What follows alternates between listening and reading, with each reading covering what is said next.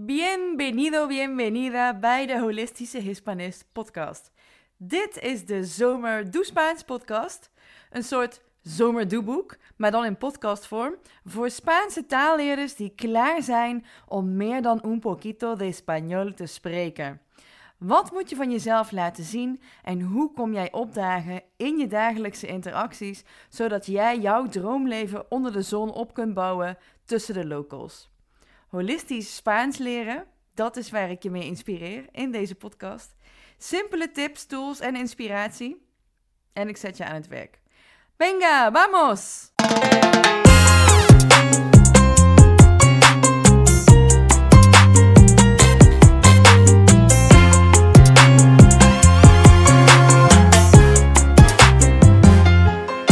Hola, mi gente! ¿Cómo están? Ik heb er heel veel zin in. Ik heb een vraag gekregen van Patrice. Of ja, een vraag.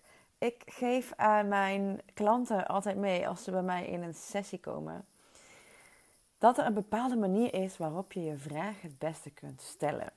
Dus wat ik heb gekregen van Patrice is: ik snap de volgorde van het woordgebruik niet. Te ayudo, me ayudas, nos ayudo, me ayudamos. Nou, dit zijn allemaal enclitische voornaamwoorden en dan een tegenwoordige tijdsvervoeging van het werkwoord ayudar. Als je nu denkt, enclitische voornaam, wat? Blijf hangen. Ik ga het je zo uitleggen. Maar eventjes nog voordat ik op het antwoord inga. Als je een vraag hebt en dit is een heel eenzijdige manier. Nee, ja, want ik, ik kan Patrice niet om een toelichting vragen. Dit is geen live coaching sessie, maar dit is een ingestuurde vraag. Dus ik weet niet precies wat nou de vraag is. Uh, dus ik kan alleen erop ingaan wat ik denk dat je bedoelt. Um, wat ik hier uithaal is dat het dus gaat om de enclitische voornaamwoorden en waar die in de zin staan. Als je een vraag stelt, denk dan voor jezelf dus even na van wat is je droomresultaat waar je een vraag over hebt? Ten tweede, wat lukt er niet? Wat is jouw frustratie? Waar loop je op vast? Wat gaat er niet? En ten derde, waar wil je hulp bij? Wil je dat ik iets voor je verduidelijk? Wil je oefeningen krijgen? Wil je dat ik je in contact breng met iemand? Waar wil je hulp bij? Nou, oké, dat hebben we nu aan, kant, aan de kant geschoven. De volgorde van het woordgebruik. Nou, eigenlijk weet je dat de zinsvolgorde in een bevestigende normale zin hetzelfde is als in het Nederlands. Je hebt het onderwerp van de zin, je hebt het werkwoord en dan heb je een uh, voorwerp. Dus een leidend voorwerp of een meewerkend voorwerp. Bijvoorbeeld, ik lees een boek. Yo leo un libro. Maar zodra we dus enclitische voornaamwoorden gaan gebruiken, enclitische voornaamwoorden zijn die kleine woordjes me, te, se, nos, os en les en le. En die zie je in het Spaans als we het hebben over een meewerkend voorwerp en over een leidend voorwerp als een persoon. Als er naar een persoon wordt gerefereerd. Dus we hebben ze bij de wederkerende werkwoorden. Hè? Me llamo, ik heet, oftewel ik noem mij, mezelf. Of bij de wederkerende werkwoorden. Te ayudo, ik help jou. En dan is jou het meewerkend voorwerp, want ik bied mijn hulp aan jou aan. En die enclitische voornaamwoordjes, die komen in dit soort zinnen, die net in het voorbeeld genoemd werden, te ayudo, me ayudas, nos ayudo. Me ayudamos, die komen dan voor het werkwoord te staan. En dat is dus precies andersom dan in het Nederlands. Want in het Nederlands zou het zijn te ayudo, ik help jou. Ik help jou. Dus jou komt dan achter het werkwoord help. Te ayudo, ik help jou. Als we er een vragende zin van maken, is die in het Spaans hetzelfde. Te ayudo? help ik jou? Zal ik je helpen? Help ik jou in de vragende vorm? Dan draaien we Nederlands het persoonlijk voornaamwoord en het werkwoord om. Dus ik help jou wordt dan help ik jou. Help komt voorop te staan. In het Spaans blijft hij hetzelfde. Wat misschien de beste ezelsbrug is die ik je mee kan geven, is dat die dus omgewisseld is. Dat jou voor het werkwoord komt. Dus in het Spaans zeg je jou, ik help. Of jou help ik. het persoonlijk voornaamwoord yo zit er al niet in. Als je yo in deze zin wel zou zeggen, dan zou je dus zeggen yo te ayudo. Ik help jou. Yo te ayudo. Misschien is het voor jezelf makkelijker als je het persoonlijk voornaamwoord er wel in betrekt, ook al wordt die in het Spaans niet veel gebruikt. Om even voor jezelf de volgorde van de zin duidelijk te houden. Yo te ayudo. Als je hem zou vragen, dan zou yo wel achterop komen. Te ayudo yo. Te ayudo yo, zal ik je helpen.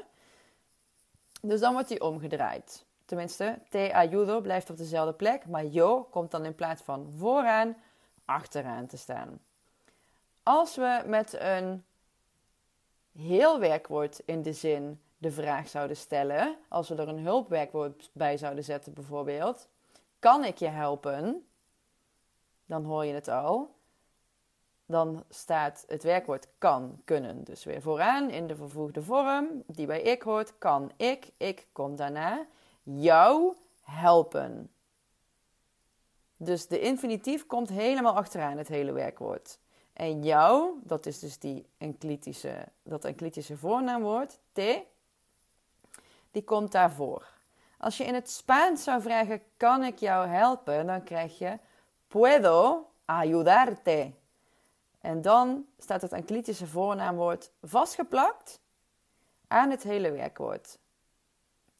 Dus ook hier is hij weer omgedraaid. Want in het Nederlands staat dan jou voor het hele werkwoord. En in het Spaans staat hij er achteraan vastgeplakt. Dus kan ik jou helpen wordt puedo ayudarte yo. Puedo ayudarte yo. Puedo ayudarte. Dus die staat daarachter. Waar ik moeite mee had toen ik Spaans leerde, was inderdaad, ja, als je in eerste opzicht zo'n zinnetje ziet. Nos ayudo, me ayudamos wow, zoveel verschillende werkwoordvormen die je achter me kunt zetten. Vooral omdat we beginnen met woordjes als me llamo. Dus je denkt dat de woordjes met me vervoegd moeten worden met een o, want die slaan op mij. Maar je kunt dus ook zeggen me ayudamos. Waar heeft dat mee te maken? Dit gaat dus om wederkerige werkwoorden en die duiden een meewerkend voorwerp aan en niet een leidend voorwerp. En je ziet het verschil ook. Het enige verschil dat je in het grammaticale rijtje zult zien is se wordt dan le en in het meervoud les. Verder zijn ze hetzelfde. Het is me, te en dan nos en os. Dus die woordjes zijn hetzelfde, dus dat kan verwarrend zijn. Dus als ik zeg nos ayudo, dan zeg ik help ik ons of ik help ons. Als ik zeg me ayudamos, zeg ik: helpen we mij? Zullen we mij helpen? Want de vervoeging van het werkwoord ayudamos, ayudamos, pardon, ik leg de klemtoon verkeerd. Ayudamos is de eerste persoon meervoud. Wij, ayudamos, wij helpen. En dat me verwijst dus naar aan mij. Helpen we mij. Als ik zeg nos ayudo, dan is het dus ayudo, o is de uitgang van ik in de tegenwoordige tijd. Ik help en dan nos is aan ons. Nos ayudo. Dus welke van de voorbeeldjes er niet stond, is bijvoorbeeld nos ayudamos. Die zou je misschien als eerste uh, in je hoofd naar boven poppen, omdat nos ayudamos hetzelfde wordt vervoegd als nos llamamos. Wij heten. Nos ayudamos is dus wij helpen ons. Ik zal in het werkboek de rijtjes even naast elkaar zetten van een leidend voorwerp en een meewerkend voorwerp in de enclitische voornaamwoorden. En ook voorbeelden van hoe ze dus in een bevestigende zin staan en hoe ze in een zin staan waarin we twee werkwoorden gebruiken, waar er dus eentje een heel werkwoord van is, een infinitief, en dan wordt hij er achteraan vastgeplakt. Wat ook nog belangrijk is in het woordgebruik, is dat je bij de gebiedende wijs, help ons, of help mij, ayúdame, ayúdanos, dan wordt die wel vervoegd en wordt hij eraan vastgeplakt. Nou, ik weet niet of je hem nog kan volgen. Sowieso denk ik dat dit een hele belangrijke aflevering is om even visueel mee te kunnen kijken in het werkboek. Die download je via de link in de show notes. Bedankt voor je vraag, Patrice. Ik hoop dat die wat duidelijker is nu. Mocht het nog niet zo zijn, je bent van harte welkom in Espanol Elemental. Kijk eventjes mee naar de challenge. Vergeet je daar niet voor aan te melden. En voor nu, ik wens je een te gek weekend, een heerlijke vakantie. Geniet ervan met vrienden en nos vemos! Super tof dat je weer luisterde naar de Holistische Hispanist podcast. Muchas gracias. Nog even een paar belangrijke dingen. Een van de grootste obstakels bij het leren van de taal is dat je niet weet hoe je iets moet zeggen. En daarom sla je dicht of blokkeer je. Misschien heb je zelfs al wat cursussen gedaan en begrijp je heel goed wat er tegen je gezegd wordt. En toch voel je je nog steeds een beginner. Schrijf je in voor de challenge van 5 tot en met 9 september, waarin je je eerste 200 Spaanse woorden leert in 4 dagen. Uiteraard krijg je van mij brain hacks en oefeningen om direct in de praktijk te brengen wat je leert. Je vindt de link in de show notes. Ben je geen complete beginner meer en wil je toch je Spaans blijven oefenen? Neem dan een kijkje in mijn membership op A2-B1 niveau volgens het Europees taalreferentiekader. Español excelente.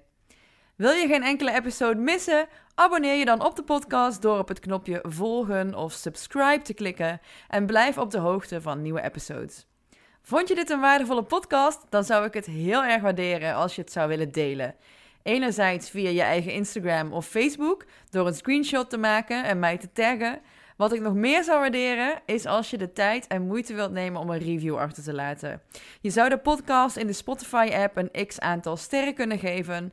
Of in de Apple Podcast-app, als je een iPhone hebt, ook een x aantal sterren met een korte motivatie erbij met wat je van de podcast vindt. Ik zou het heel erg waarderen als je daar twee minuten de tijd voor zou willen nemen. Ik ben benieuwd wat je ervan vindt en wat je eraan hebt. Hasta la próxima! En neem nu even een moment om stil te staan en jezelf af te vragen: wat wil ik vandaag verbeteren? Probeer niet alles in één keer te doen. Je kunt niet alles op één dag doen. Rome is niet in één dag gebouwd. Maar denk na: wat is de eerste stap die ik nu meteen kan zetten? Op dit moment. Misschien kost het je twee minuten. En als dat zo is, waarom zou je het niet meteen doen? Waarom zou je niet meteen nu beginnen? Sluit je ogen Haal even diep adem. En herhaal. Ik weet wat me te doen staat. Ik weet wat de volgende stap is en ik ga hem nu zetten. Voel het, doe het en maak het kleinst mogelijke gebaar, een mini-stapje, maar doe het nu. Jouw persoonlijke groei, je netwerk vergroten, je relaties verdiepen, iets nieuws leren, een nieuwe techniek toepassen die je helpt. Maar het helpt alleen als je het ook gaat doen en er niet alleen over na blijft denken. Denken heeft geen zin als je het niet gaat doen. Onthoud dit geheime ingrediënt. Jouw gedrag, hoe jij komt opdagen in jouw dagelijkse interacties, is het geheime ingrediënt. Jij zendt een bepaalde energie uit. Als je met een glimlach de straat oploopt, gaan de mensen dat opmerken. Als je zonder glimlach de straat oploopt, gaan de mensen dat ook opmerken. De wereld ligt aan je voeten, de mensen wachten op je, dus ga naar buiten. Zet je beste beentje voor, met een grote glimlach. Ga je beste leven leven en wacht niet tot het aankomt waaien. Geef het beste van jezelf en dan strekt de dag zich voor je uit.